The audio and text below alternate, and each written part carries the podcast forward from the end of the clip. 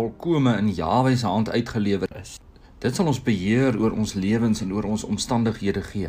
In Psalm 38 doen Dawid 'n gebed. Hy sê: "O Jahwe, straf my nie in u toorn nie en kastei my nie in u grimmigheid nie, want u pile het in my ingedring en u hand het op my neergedaal. Daar is geen heel plek in my vlees vanweë u grimmigheid nie. Daar is niks gesond in my gebeente vanweë my sonde nie." Geliefdes, hier sien ons hoe Dawid volle aanspreeklikheid vat vir die gebeure in sy lewe.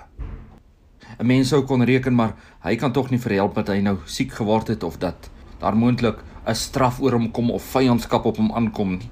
Hy vat volle aanspreeklikheid daarin dat hy sê vanweë my sonde. In vers 5, want my ongeregtigheid gaan oor my hoof, soos 'n swaar pak het hulle vir my te swaar geword. My wonde stink, hulle dra vanweë my dwaasheid. Dawid besef hier is iets wat hy nie verstaan nie aan hierdie omstandighede wat hy beleef in hierdie stryd wat hy moet voer waar dinge vir hom nie noodwendig goed loop en reg loop nie. En dan sê hy vanweë my dwaasheid. Vanweë die feit dat ek iets mis wat ek nie verstaan nie. En dit is ons volk se probleem geliefdes en jou en my probleem baie keer in ons lewens veral met God want hy sê mos sy gedagtes is nie ons gedagtes nie sy wees nie ons weet nie. So ons verstaan nie altyd die plan van Jawe nie. En het ek persoonlik tot die gevolgtrekking gekom in my lewe? En as ek so deur die Bybel blaai en ek lees in mense se lewens dan sien ek die probleem lê daarin dat in die eerste plek God se plan 'n groter plan is. Dat sy werksaamheid 'n groter omvang het as wat ek en jy kan bedink. Die man Job kon nie verstaan dat alsou hy God so in opregtheid dien soos geen iemand voor hom nie, dat dit met hom kon gebeur en dat God dit kon toelaat en wou hy met God argumenteer totdat God hom stil maak en vir hom sê Job, kyk bietjie weier.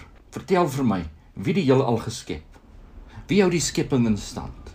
Wie 'n groter plan om na om te sien? Jy leef in jou klein wêreltjie, so selfgerig en so selfgesentreerd, maar ek is die Almagtige wat alle dinge onderhou, wat die mossies voorsorg wat die lelies van die veld met skoonheid beklee, wat die planete in hulle bane hou en wat die seisoene opdrag gee jaar vir jaar. Eintlik sou Dawid ervaar omdat ons op 'n ander plek lees Dawid was 'n man na God se hart. Hy was 'n liefling van God, net soos Job. En sou God in die kort tydjie hier op die aarde vir hom baie goed wil leer. Ek het vir u daarop gewys die jong man Josef wat deur sy familie verwerp is, wat uh, om in die vreemde bevind en daar valslik beskuldig is en in die gevangenis opland. Ons sien hoe hy in 'n kort tydjie geleer is deur God, deur wysheid en drome waar God hom vasgekeer het. Want dit is soos Hosea vir die volk sê nadat hy alles verloor het en deur sy vyande bedreig is, hom sê van wie jou verkeerde pad en van wie jou ligsinnige hoerery, gaan jy baie lank moet stil sit vir my en jou sondes bedink. En dis wat met Dawid hier gebeur geliefdes. Hy sê daar's niks gesond in sy gebeente nie vanweë sy sonde, vanweë sy ongeregtigheid, eintlik vanweë sy onwaardigheid om wel te ervaar dat God met hom enigstens bemoeienis sal maak. Job moes ook uitvind dat hy geen regsaak voor God nie.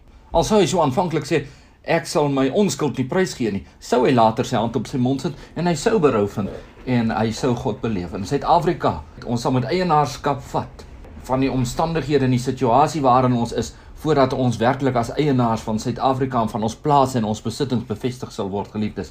Want God het 'n groter plan met sy volk ook in hierdie land. En is die belofte vas vir 'n volk wat hy sê as my volk oor wie my naam uitgeroep is hulle verootmoedig hulle sonde bely en bid soos Dawid hierdie gebed bid dan sal ek in die hemel hoor en ek sal hulle land genees.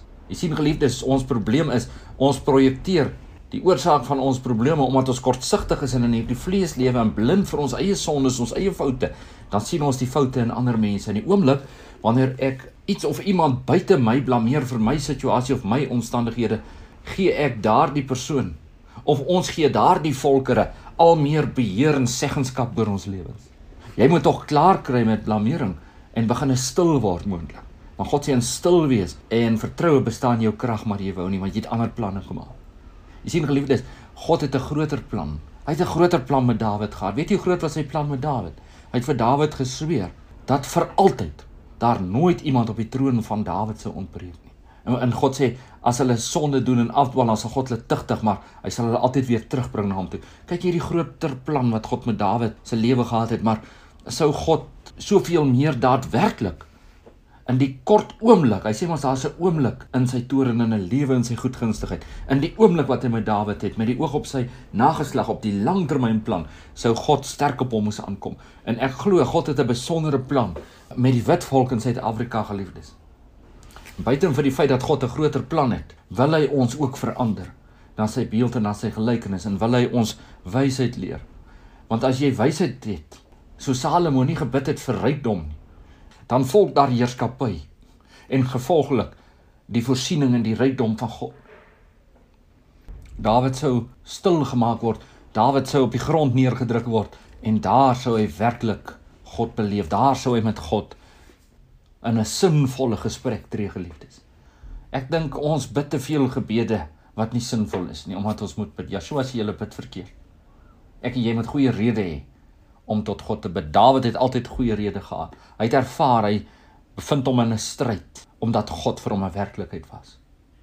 Jy sal jou in 'n stryd bevind en jy sal uitdagings die hoof moet bied omdat Jawe vir jou 'n werklikheid is en meer nog omdat hy op jou en my ag gee. En ek glo in Suid-Afrika het ons 'n stryd omdat God op hierdie volk wat op hierdie stadium nie aanspreeklikheid wil neem vir die situasie en die toestand waarin hulle is nie. Maar dit nog sal doen en hulle sonde sal bely en God wat hulle sal genees en hierdie volk sal maak soos wat een van die profete sê tot sy pragtige perde in die stryd.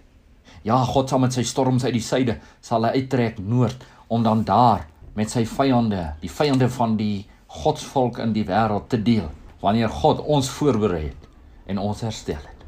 Ek glo dat die wit volk in Suid-Afrika die priestervolk is, die leiervolk is. Ons is uit die stam van Juda. Dis die koninklike priesterdom hier by die huis van God in Sion waar ons ons bevind in hierdie land. En daarom geliefdes, sal God nie versuim om sy werk in die hart van hierdie volk en in ons midde te volbring nie. Hy sal sterk op ons aankom en ons sal dit voel geliefdes. Maar eene ek moet nie vrees nie. Kom ons vra vir Jahwe verwys hy dat ons nie vanweë ons dwaasheid ongeneeslik sal bly en in smart nie. Want God sê hy slaan maar hy genees. Hy doen smart aan met die doel om vir ewig te verbind. Vader Jahwe, baie dankie dat ons vermoere mag verlief neem midde ons omstandighede en uitdagings wat ons in die land die hoof moet bied. Dat U 'n groter plan het en dat U U volk wil genees, dat U U woord stuur om U volk uit hulle kuile te red en om hulle gesond te maak. Baie dankie dat ons ons sonde kan ken en dat ons daarvan al meer bewus kan word, dat ons kan vry word van die mag van die bose. Maak ons erkentlik deur ons dae sodat ons met waardigheid 'n belydenis van ons sondes en ons swakhede voor U sal doen. Dankie Vader dat U vergewe en dat U naby kom. Nek sal my ontbreek nie. Hy laat my neer lê in groen weivelde. Na waters waar is is lei